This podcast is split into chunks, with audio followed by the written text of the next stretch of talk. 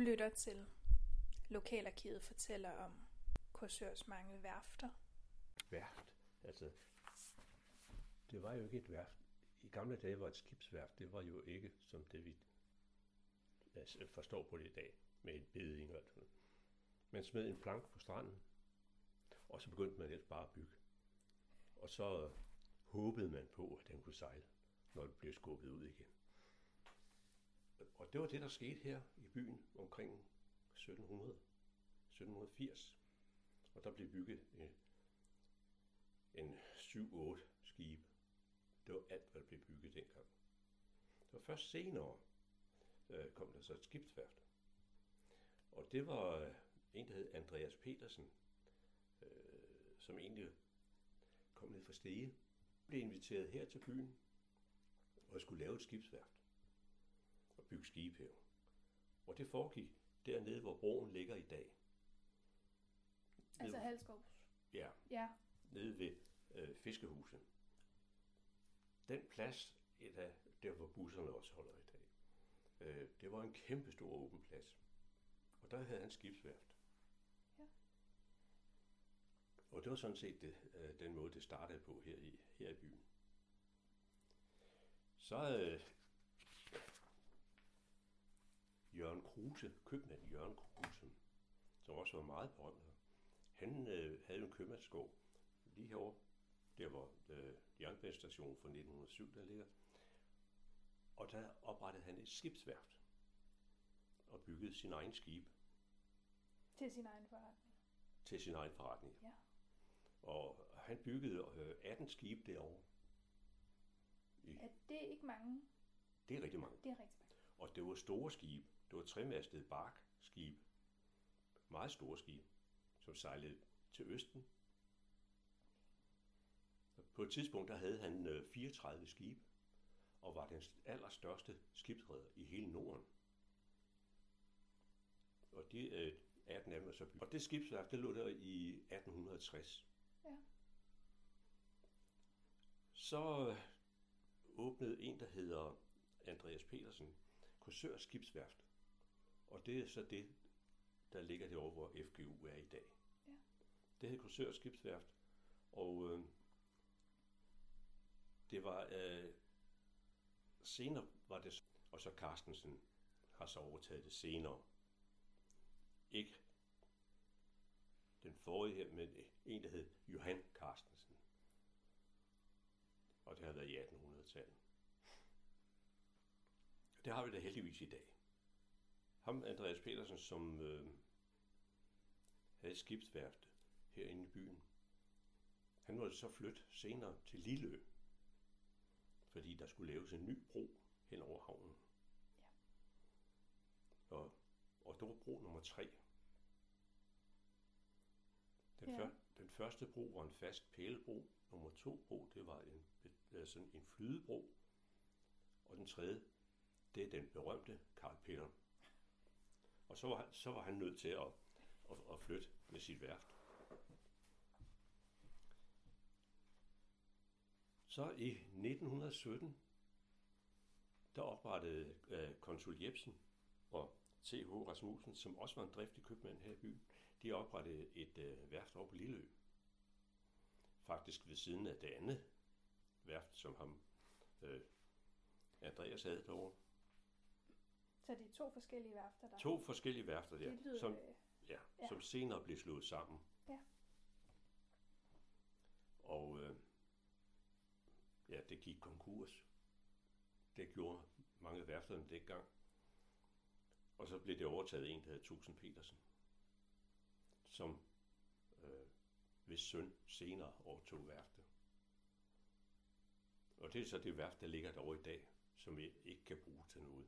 Nej. Fordi det er, ledingen virker faktisk ikke. Men det er ikke mange år siden, at man byggede skib der. Og reparerede skib. Øh, flådestationen, mange af deres skib kom på beding derovre og blev repareret. Og beding er, når skibet bliver trukket? Det bliver trukket op på land. Ja. ja. Så man kan komme til det, der normalt ligger under havoverfladen? Ja. ja. Det var så det skibsværft, som egentlig har eksisteret længst. sammen med Carstensens skibsværft, som også har haft en omtumlet tilværelse, må man nok sige. Fordi så var det skibsværft, og så var det havnesmede, og øh, ja, nu er det så heldigvis skibsværft igen, ikke? Ja. Så Så det, det man kalder Carstensen i dag, det, det, det, er egentlig, det har været flere forskellige. det har været flere forskellige, Ja. ja. Og hed egentlig også Korsør Skibsværft Ja. på et tidspunkt. Ja, og så er der lokal omtale om onde. Det er det.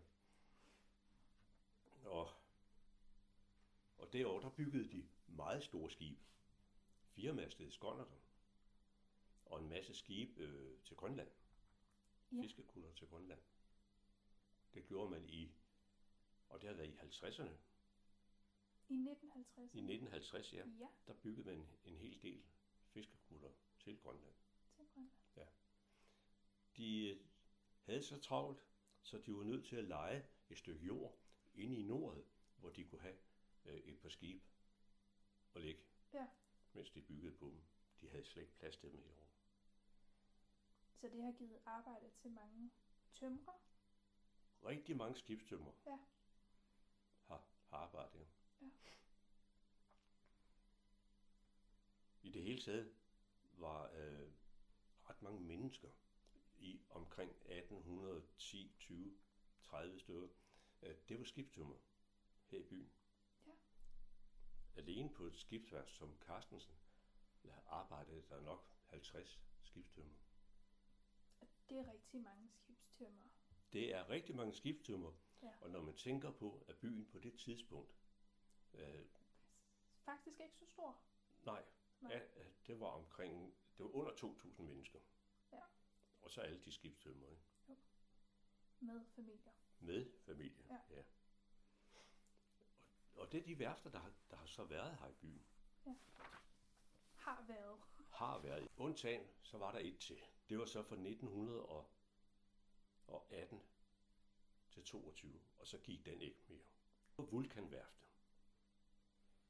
Mange, der siger, men hvor lå egentlig Vulkanværftet?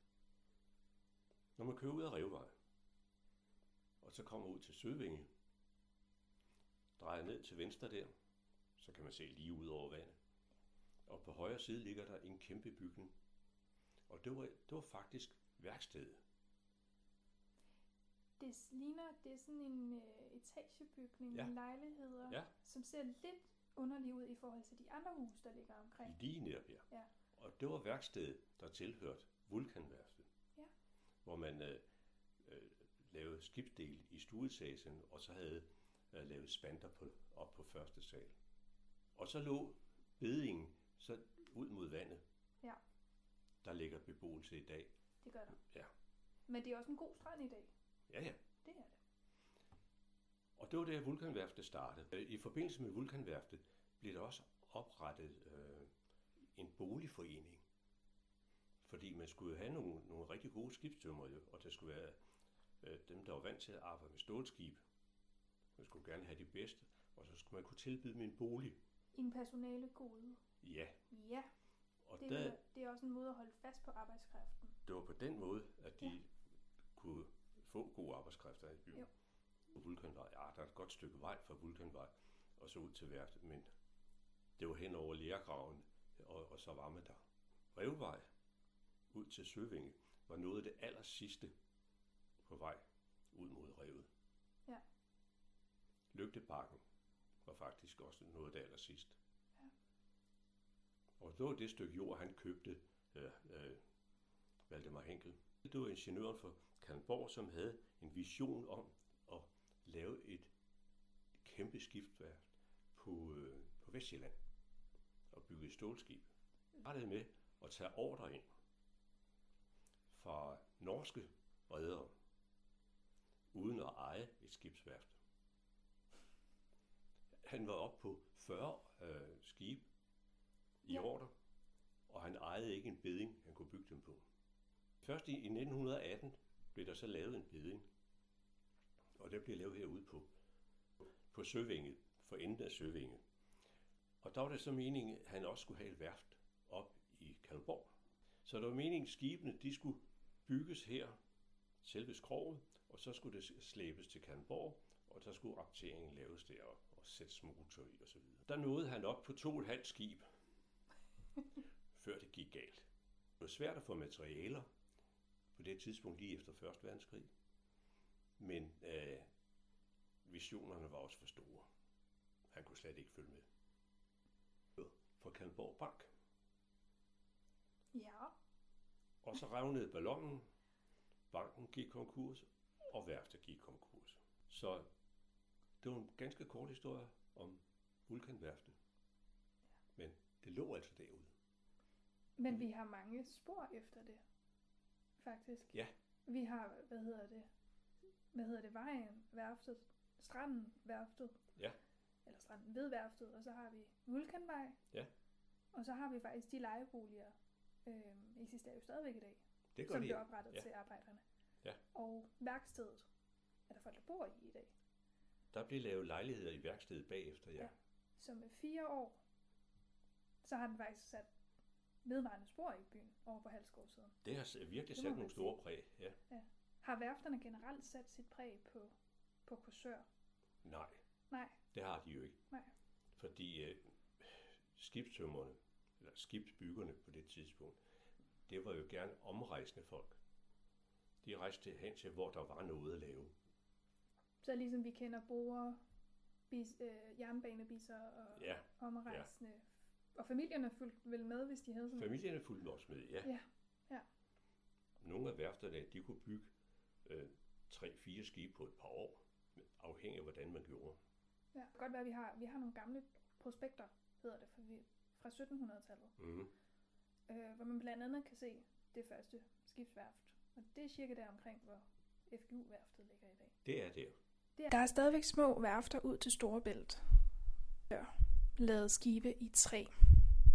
Skibene begyndte at skulle være i stål. Det er måske det, vi kender mest fra Nakskov Skibsværft, hvor de svejsede de store skibe. Der er stadigvæk træskibe. Der er små værfter, blandt andet Agersø Værft og Skelskør Værft, Marinus Møller ved Skelskør. Og mange af de tømre, skibstømre, de blev måske ansat hos DSB til at vedligeholde færgelejerne, hvor der altid var vedligeholdelse, der hvor færgerne lagde til. Finn Berlsen fra Korsør By- og Overfartsmuseum har fortalt om de mange værfter, der har været i Korsør. De kan ses lidt i landskabet ved Lilleø, lige omkring Roklubben. FGU's værft, det er der Carstensen og Korsør Skibsværft har ligget. Det er også her, prospekterne viser os, at der har ligget både, øh, bådebyggere. Og den er meget synligt lige ved fæstningen, fiskerihavnen og kabeldepotet. Vulkanværftet, det er måske mere vejen, stranden med den gode badebro, og Vulkanvej med de gule bygninger ved byparken, hvor jernbanen tidligere gik. Du har lyttet til serien Maritime Korsør fra Lokalarkivet. Det er et bidrag til projektet og aktivitetsteam Maritime Korsør, som du kan finde mere om på hjemmesiden maritimekorsør.dk. Korsør staves med ø og du kan finde flere steder rundt i Korsør, så hold øje. Jeg er Maria Meier og har interviewet afsnittets hovedfortællere og produceret podcastserien Lokalarkivet fortæller om. Tak for at lytte med.